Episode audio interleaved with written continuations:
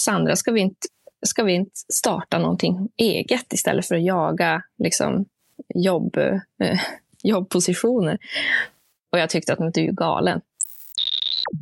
Det där var Sandra Nilsson, entreprenör och medgrundare till startupen Arctic Space Technologies. Ett bolag som kommer från Piteå och är en del av den norrländska boomen av New Space-bolag. Vi ska prata mer med henne idag om hur det är att starta och driva ett techbolag som jobbar med rymden. Men först ska vi ta tempen på hur riskkapitalet nu har hittat till Newspace. Jag heter Rickard Sandenskog och det här är Dagens Tech. Sveriges största dagliga podcast om Sveriges techbransch. Ted Elvhage är grundare av Nordens första VC-fond som enbart investerar i Newspace-bolag. Han bettar alltså allt på rymden, samtidigt som han också är medgrundare till en större europeisk fond som ska resa en miljard senare under 2024. Men idag pratar vi om svenska startups och att han faktiskt valde ett namn på sin fond, Rymdkapital, som är föredömligt tydligt. Ja, men eh, det är kul att du säger det, för att vi håller på med rymden och vi håller, med vi håller på med kapital och förstås då kapital till rymden. Och som vi är riktigt svenska så tänker vi, det finns ju liksom företagskapital, industrikapital, industrifonden. Då tänkte vi rymdkapital, då vet vi folk vad vi gör, om man är svensk i alla fall. Är det statligt? Det låter statligt. Nej, det är helt privat. Det är det första privata initiativet för investeringar i rymden i Norden och kanske norra Europa. Berätta lite grann. Du har ju hållit på länge med investeringar, liksom jag har gjort. Och jag gissar att du har gått igenom ganska många faser av bla bla tech som blir stort. Varför är du först på bollen när det gäller rymdkapital eh, och vad var det som du såg som gjorde att Nej, men nu tror jag att tajmingen är rätt?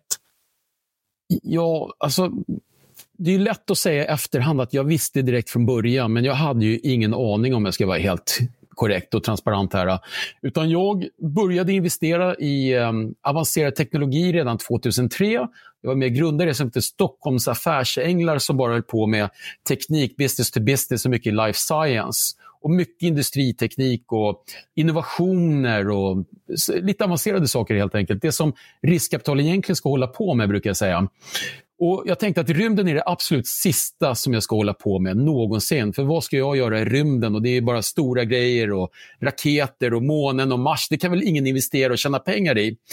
Och sen utan ren tillfällighet kom jag in i det här och så insåg jag att tusan vad stort det är. Och sen, vänta nu, här kan ju faktiskt entreprenörer göra samma sak som digitaliseringen kom igång när man pratar om att folk kan, alltså ungefär som vi pratar om internetboomen, med internet så kan vi nu konkurrera med stora etablerade företag och vi kan tjäna massor av pengar och det som krävs är duktiga entreprenörer. När jag fick ihop de här två plus alla satsningar som är gjorda i Europa just nu, då insåg jag att rymden är det enda jag ska göra. Så till din eh, svar på din fråga där, så är att jag kommer bara hålla på med rymden i framtiden. Och jag säljer alla andra bolag, slutar med alla verksamheter och gör bara investeringar i rymden numera.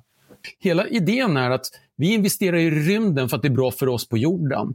För att vi måste ha rymden som en infrastruktur för att eh, vi faktiskt ska kunna göra vissa saker här på jorden. Till exempel bara navigera till en kompis som har flyttat och vi inte har adressen i huvudet. Och då är det GPS och GPS-satelliterna såklart i rymden. Ja, så är det förstås. Det tänker man inte på. Jag var på en eh, konferens i eh, Mountain View i Kalifornien här i februari. Och Då påstår man från Viasat, som är en av de stora satellittillverkarna i USA, att eh, om man stängde av alla satelliter så skulle alltså jordbruks, eh, vad ska man, produktiviteten i USA gå ner mellan 40 och 60 procent. Och Då undrar man, vad gör de här jordbrukarna som gör att de är så otroligt beroende av satellitdata? Men Det är alltså både då självkörande traktorer och saker och ting, men det är också sånt att bara hålla koll på saker. Mycket IoT, mycket digitalisering som går direkt via satellit istället för att gå någon annanstans. Och, och, alltså, tänk dig produktiviteten skulle minska för matproduktionen med 40% i ett land. Det är ganska mycket. Vilka bolag har ni investerat i idag och eh, vilka är LPs, det vill säga finansiärer av den eller de fonder ni investerar ifrån? Så vi har investerat i fyra bolag till dags datum och vi har kanske en fem, sex på gång som eh, vi tittar på. Och en av dem är Reorbit som är en satellitbolag som bygger satelliter med mjukvara först. Så sättet som satelliter byggdes tidigare var att man satte upp massa hårdvara och sen byggde man ny mjukvara till varje satellit. De har en idé om att eh, man bygger först ett lager av mjukvara, sen pluggar man in istället hårdvaran. Och på det sättet kan man minska tiden och kostnaden för att bygga egen satellit med 70% och Det är ju lite intressant när vi pratar både kostnadsbesparingar och tidsbesparingar. Och tesen är då att mjukvara är nästan 80% av det vi gör i rymden. Och kan man mjukvara så kanske man kan göra såna här saker också. Så det är Reorbit, så det är ett av bolagen och det är en av de teman vi investerar i, det vill säga där det ska vara då kapitaleffektivt, kapitalsnålt, så att vi då, om man ska kunna vara en entreprenör. Det här bolaget har dessutom varit, gått med vinst i tre år i rad sedan de startade. Och Det kan man ju tycka, det är helt otroligt. Då behöver de inte riskkapital eller vill de accelerera tillväxten? De vill accelerera och då hade vi möjligheten att vara med i det. Och LPs då, och för de som inte vet vad det betyder, betyder limited part, det är egentligen de som finansierar upp en fond. Just det. Eh, för, för i regel är en, en VC-fond så är det en begränsad andel av, av den fonden som är finansierad av de som arbetar som partners för fonden. Det stämmer. Och sen, sen kommer investeringen oftast från, ja, ibland statligt som Almi och sådana saker, men oftast från pensionsfonder och annat institutionellt kapital. Vilka är det som har, uh, hjälper dig idag? Ja, Ja, men vi, har, vi har valt en strategi där vi har en väldigt liten fond jämfört med en del större som man kanske känner till sedan tidigare. Och då när man gör det första gången på det här sättet inom ett, ganska, ett område där många tror att det kommer vara svårt att tjäna pengar, så är det så att eh, då har vi valt att gå till då privata investerare så att vi har bara privata investerare som har oftast något intresse i rymden och sen vad vi har gjort är att de investeringar vi gjorde innan vi satte upp i fonden, då har vi haft lite tur att de har ökat i värde. Och då har vi lagt in dem till kostnad. Så det gör ju då att de som investerar i vår fond som är privatinvesterare, de gör redan en vinst, alltså på pappret ska jag säga då, för att alla som investerar lite längre vet att det är ingen vinst för några pengar tillbaka i fickan. Men mm. på pappret kan man säga att då har värdet redan ökat, medan i normala fall så går det ner först och sen går det upp. Då, då. Och det här är privata investerare som investerar, så affärsänglar, motsvarande privatinvesterare. Och de flesta av dem är faktiskt svenskar som vill att vi ska satsa mer på rymden. Så det är massa som dig Ted som har sett ljuset där och tycker det var kul och vill vara med lite i början. Ja, Men då giss, gissningsvis om, om, om, om du fortsätter den riktningen du vill se så, så utgår jag från att ni kommer resa signifikant större fonder framöver. Det stämmer kommer bli väldigt mycket större och då gäller det att vi får med oss då institutionerna till exempel. Till, och då pratar vi om pensionsstiftelser, du pratar om andra typer av investerare. Då, att kanske family office, det vill säga då kanske lite rikare förmögna familjer som har entreprenörer som har tjänat pengar på sitt bolag som nu tycker att en, del, en delmängd av det här skulle vi nu kunna investera i fonder. Och, och Då brukar man kalla det för family office för de brukar ha eh, själva eller tillsammans med några stycken som investerar i lite olika bolag tillsammans. Och, och Det hoppas vi att många av dem också kommer se se ljuset snart. Speciellt när Marcus Wandt nu kommer upp till rymden igen. Vi har investerat i fyra bolag eh, och vi ska ha totalt 20 bolag. Så vi ska investera 16 bolag till. Du, du är kapitalist och inte astronaut, men du får ett erbjudande om några, några år, kanske genom ett av dina portföljbolag, att följa med på en resa till mänsklighetens nya rymdstation på månen. Följer du med eller stannar du kvar och tar tvättstugan istället? Jag tar tvättstugan. Så att jag tillhör dem som, eh, ni får gärna åka min raket, ni kan få min biljett, men jag kommer stanna kvar här. Eh, och, och Anledningen till det är att jag gör verkligen det här för att göra en bättre plats på jorden. Och Jag tror vi behöver människor på månen, jag tror vi behöver människor på Mars för att liksom lära oss mer om universum och livet generellt sett. Men jag är inte tillräckligt modig helt enkelt. Vi behöver de här entreprenörerna, det är de som är hjältarna. Jag, jag får stå lite grann i bakgrunden och hoppas att jag kan hjälpa någon att komma vidare. Det var ju ärligt i alla fall, så ingen machogrej där. Elon Musk kommentar är så I'd, I'd love to, to die on Mars, just not on impact, var väl hans kommentar. eh, uh -huh. Ted Elvhage, stort tack eh, för att jag fick låna dig och att alla fick lyssna på dig och din erfarenhet och din entusiasm och passion. Eh, hur, vad gör jag om jag vill veta mer om dig och rymdkapital? Ni går till rymdkapital.se och så klickar ni något mejl där. Har ni mejladressen som är info.rymdkapital.se. Och så kommer ni direkt till mig eller min kollega så, så ses vi gärna och pratar mer om rymden om ni vill.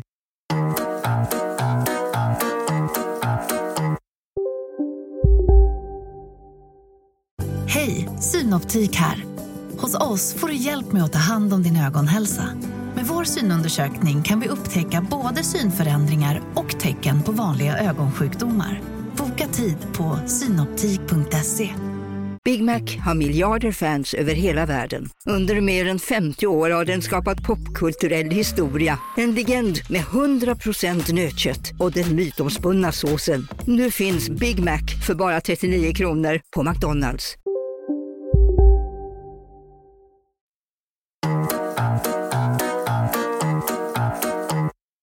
Sandra Nilsson är en norrländsk rymdforskare och entreprenör. Hon är en av tre grundare till Arctic Space Technologies, en new space startup från Piteå. Hon förklarar mer om sitt entreprenörskap och varför vi använder rymden i vår vardag, ofta utan att tänka på det. Jag tror att man, man eh, som vanlig medborgare eh, tar för givet Eh, hur, hur komplicerat det faktiskt är, det all, all kommunikation som sker. Eh, bara att vi kan ringa till varandra, vi kan använda internet på fler och fler platser. Nu har vi ju täckning över i princip hela jorden. Eh, eh, olika typer av information som måste skickas väldigt fort. Väldigt mycket av den här datan är ju liksom realtidsdata och det är oerhört komplexa system som ingår för att få det här att funka och hela tiden flyta på och hålla igång eh, alla apparater som är så beroende av det här. Och rymddata kommer man i kontakt med i princip hela tiden utan att man egentligen tänker på det. Det kan vara bara att man tar ut pengar ur en bankomat eh, så använder man rymddata. Eh, bygger ju på att vi, eh, vi, vi använder liksom digitala signaler för saker och ting som är mycket, betydligt svårare att manipulera och att saker ska gå väldigt, väldigt snabbt. Om man vill ha liksom säkra system där det finns eh, eh, där det är väldigt svårt att liksom bryta sig in. Och då är ju till exempel hantering av pengar en sån sak. Där, där säkerhetskraven är väldigt höga. Ert bolag Arctic Space Tech har ju kunder i hela världen. Eh, hur kommer det sig att de vänder sig till er, eh, hyfsat nystartat bolag som håller på i 5-6 år i Öjebyn utanför Piteå? Vad är det ni kan erbjuda? Vi erbjuder så mycket mer och så många nya, nya vinklar på saker och ting i förhållande till de traditionella alternativen som har kanske utvecklats lite grann i en annan riktning. Eh, just rymdbranschen är en så snabbt växande bransch och eh, vår marknad, alltså satellitoperatörer och satellitägare, de har blivit mycket mera eh, alltså diverse. De är, de är mycket mera, de är mycket bredare nu än vad de var för bara några år sedan, vilket innebär en massa nya behovsbilder som, som kanske inte fanns eh, för bara några år sedan. Eh, sen så har ju många av de här stora jättarna som är alltså statligt ägda eh, de har ju eh, de, de, de, procedurer, processer och så vidare. Det tar längre tid för dem. Medan vi kan vara lite snabbare med att Eh, göra justeringar och anpassa oss efter att marknaden väldigt snabbt svänger. Så att vi har, vi har en approach där en, ett ganska förhållandevis nytt marknadssegment, alltså vi kallar, man kallar det new space, vi är på väg in i en ny rymdera.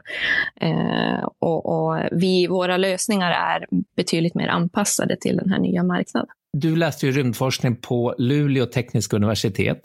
Det har blivit som någon form av kluster med rymdforskning då i norra Sverige. Och har alla den där forskningen hamnat just där på grund av närheten till S-range och den typen av anläggningar som finns där uppe? Eh, alltså SSC arbetar ju förhållandevis nära universitetet, så är det ju. Och eh, e- IRF, alltså eh, institutionen för rymdfysik, finns ju uppe i Kiruna och eh, universitetslokalerna är ju i samma byggnad för att man ska arbeta väldigt nära. Så ni är fullt integrerade med forskningen och sen att, alltså verkställigheten, man kan få ut forskningen Ja, ut men på... precis. Berätta om när beslutet togs om att ni skulle starta ett bolag med, med, med den erfarenhet och kunskap ni hade i ryggen och tillsammans med forskare tillsammans med. Jag, eh, jag och vår vd var ett par från första, från första början. Vi bodde tillsammans i Tyskland. Han jobbade på European Space Agency och jag skrev mitt examensarbete vid en partikelaccelerator där utanför Frankfurt. Eh, så jag var ju på väg att examinera, så han var examinerad eh, från Österrike. Han kom från Österrike. Och så sa han bara en dag, att kom, Sandra, ska vi, inte, ska vi inte starta någonting eget istället för att jaga liksom, jobb, eh, jobbpositioner? Och jag tyckte att du är galen. det kan ju inte vi. Vi har ju ingen, vi är ju bara två ingenjörer. Och vi, det ligger ju så mycket annat bakom och, och liksom få igång ett företag. Men då började jag söka eh, just inom, inom Sverige vad det fanns för möjligheter här. Och då hittade jag de två inkubatorerna som finns i Luleå, alltså Arctic Business och så har ju European Space Agency, de har ju en inkubator eh, som, som heter eh, ISA Business Incubation Center, där de har sitt säte här också vid, i Luleå vid, vid Arctic Business. Så vi sökte faktiskt in med en affärsidé en helt annan affärsidé än den vi jobbar med idag, eh, till båda de två inkubatorerna och blev antagna båda. Så det helt plötsligt så hade vi ett hyfsat startkapital och vi hade eh, stöd och, och, hjälp när det kom till att bygga team och ta in pengar och sådär. Och så kunde vi fokusera på att, på att skapa en, en produkt, eller i vårt fall en tjänst, att få ut på marknaden. Eh, och vi gjorde vår efterforskning där under ett halvår och vår initiala plan visade sig inte alls vara särskilt lönsam utan vi, vi hörde från marknaden att det fanns andra behov och det var så den här tjänsten växte fram som vi arbetar med nu då idag. Och det låter ju precis som att de där inkubatorerna, det funkade precis som de skulle göra. Hade ni startat även om de inte hade varit på plats och erbjudit det stödet och den tryggheten som det ändå ger? Eh, jag vill ju hoppas att vi hade kanske sökt oss någon annanstans. Men eh, det är absolut ingenting som, som jag anser att vi hade fixat helt på, på egna ben. Det, det är för lite, eh, det ingår för lite eh, i, i utbildningen som, som ligger mot liksom startup-världen och, och, och sådär. Eh, så att jag tror inte att vi hade fixat det på egen hand. Och ni gjorde en klassisk pivot då, som man säger i branschen då, väldigt tidigt. Och hur fann ni den här nya affären just runt att modernisera och förbättra liksom, kommunikationslösningarna och, och idealt göra den grön? Hur dök den upp? Var det på ert initiativ eller var det kunderna som efterfrågade? Alltså, vi, gjorde en, vi hade en faktiskt ganska omfattande marknadsundersökning under ett par månaders tid där vi lyckades få kontakt med väldigt många i branschen som vi såg som potentiella kunder då initialt eh, och presentera den här första idén vi hade. Och Eh, fick inte alls särskilt positivt gehör.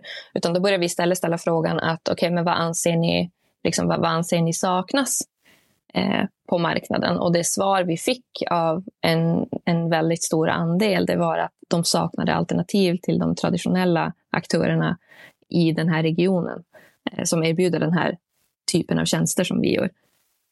Och att de ansåg att det fanns vissa, det fanns vissa gap, det fanns vissa, eh, vissa liksom block som saknades, ansåg de. Och vi såg en fantastisk möjlighet att, att bygga upp just det. Men, men det har inte varit särskilt lätt, eh, det är det aldrig, att, att bygga ett bolag såklart. Och hur, hur har det varit? För du, du, är, du, du är medgrundare och du är idag Chief Operating Officer. Och hur har det varit att balansera just själva bolagsbyggandet med allt det har att göra runt affärsmodeller, rekrytering, resa kapital versus balansen mot själva produkten och forskningen och relevansen i, i de innovationer ni har. Hur, hur har det gått och hur, hur prioriterar man det i vardagen som en entreprenör? Men det är jättesvårt. Eh, och som sagt, hela vårt kärnteam består ju bara av ingenjörer med eh, teknisk bakgrund, vilket gör att man lätt faller in i ett visst typ av fokus för att det är där man känner sig bekväm och det är där man vet vad man håller på med. Eh, och, och, kanske någonting som visar sig liksom framgångsrikt förra veckan, då hoppas man att det ska bringa framgång även denna vecka. Fast i själva verket är det ju så att man måste ta på sig så vansinnigt många olika roller.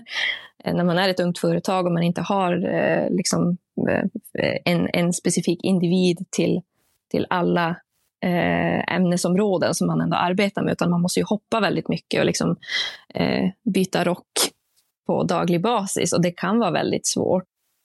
Beskriv några av de tuffaste smällarna ni har gått igenom de här första åren. Eh, tuffaste smällarna? Ja, jag tycker att eh, vi, eh, vi har inte haft det jättelätt faktiskt när det har kommit till att hitta rätt nyckelpersoner till olika roller. Där har vi fått kämpa. Och jag tror att det är Eh, det är en riskfaktor som vi arbetar med eftersom att vi bor där vi bor och vi har verksamheten här och vi är inte tillräckligt stora för att ha halva teamet på distans utan vi vill liksom att de stora tunga rollerna eh, ska finnas här på plats. Och eh, att hitta den kompetensen i närområdet är ju redan svårt som det är. Att hitta den kanske längre bort men, men att de ska vara villiga att flytta hit, det, ett ännu större hinder. Så det är jättesvårt. Och I Sverige så har vi brist på mjukvaruutvecklare och åtminstone som är up to date med, med det vi arbetar med. Rymdintresset, kom det tidigt eller sent? Nej, men alltså jag brukar säga när, när folk frågar, ställer den frågan, då brukar jag fråga men vem är inte intresserad av rymden? Vem tycker inte att rymden är jättehäftig och spännande och mystisk och skrämmande och alla de här sakerna på samma gång? Um, sen så hade jag en fantastisk, jag läste naturvetenskap på gymnasiet och hade en fantastisk lektor i fysik från, från universitetet som höll en fördjupningskurs i fysik där vi fick eh, där vi fick eh, räkna på lite relativitetsteori och sådär. Och det tyckte jag var så himla spännande. Och då hörde jag också att det fanns en rymdutbildning i Luleå. Så jag skulle inte behöva flytta så långt initialt. Eh, och det kändes väl, väl lite tryggt och sådär. Men eh, jag hörde också väldigt mycket gott om den här rymdutbildningen. Och eh, jag tänkte att varför inte? Många har sagt till mig att många av de problemen vi, vi vill lösa när vi tittar på att bygga infrastruktur i rymden kan också innehålla lösningar på en del problem som vi har här på jorden. Det vill säga att vi ska inte se på rymdforskning som någonting extravagant som vi kastar pengarna på, utan någonting som är, är lite grann som du säger, det är liksom fullt integrerat med, med lösningar på jorden här också.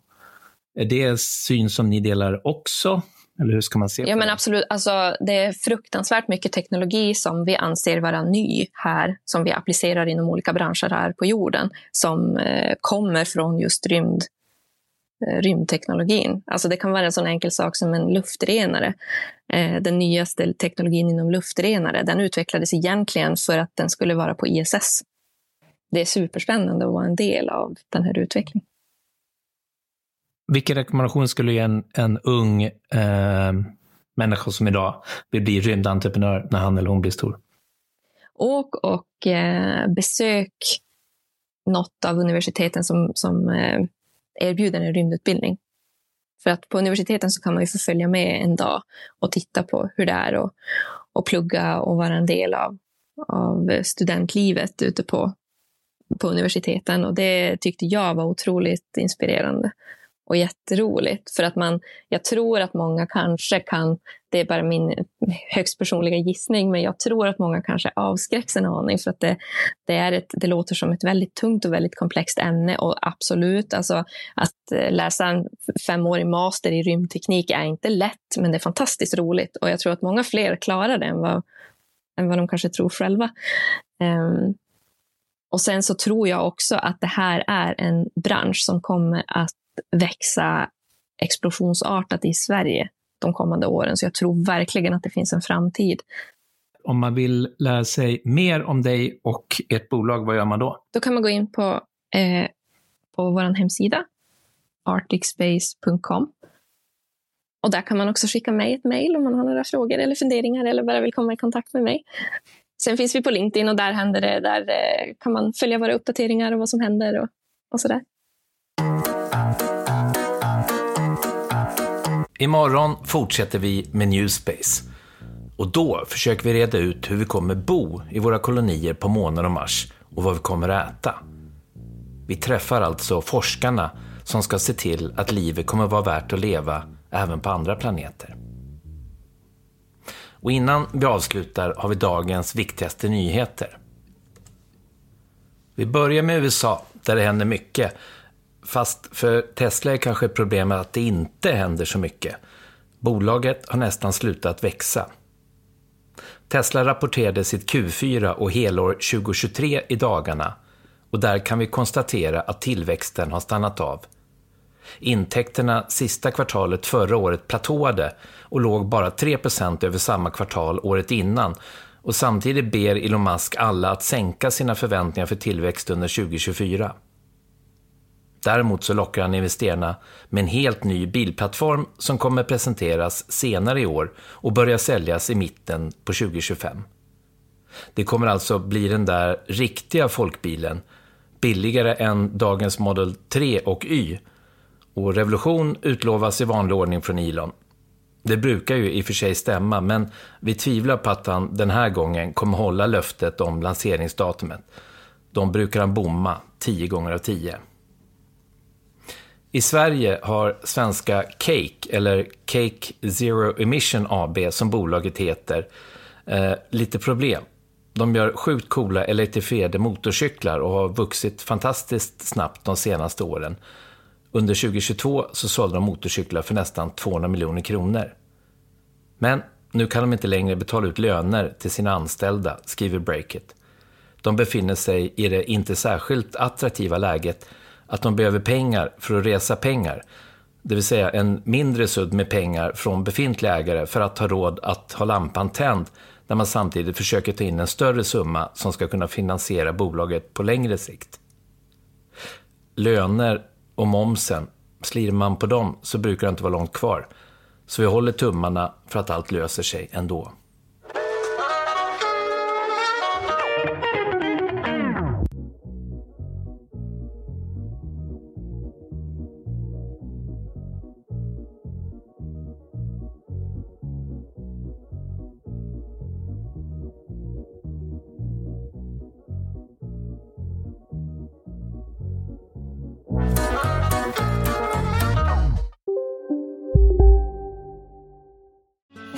Susanne Axel här. När du gör som jag och listar dig på en av Krys vårdcentraler får du en fast läkarkontakt som kan din sjukdomshistoria. Du får träffa erfarna specialister, tillgång till lättakuten och så kan du chatta med vårdpersonalen. Så gör ditt viktigaste val idag, Lista dig hos Kry. Hej, Synoptik här. Livet med glasögon ska vara bekymmersfritt. Därför får du 30% på alla glasögon när du väljer Synoptik All Inclusive. All service ingår alltid. Välkommen till Synoptik. Okej hörni, gänget. Vad är vårt motto? Nej, allt är inte alltid som du tror. Nu täcker vårt nät 99,3 procent av Sveriges befolkning baserat på röstteckning och folkbokföringsadress. Ta reda på mer på 3.se eller i din 3-butik.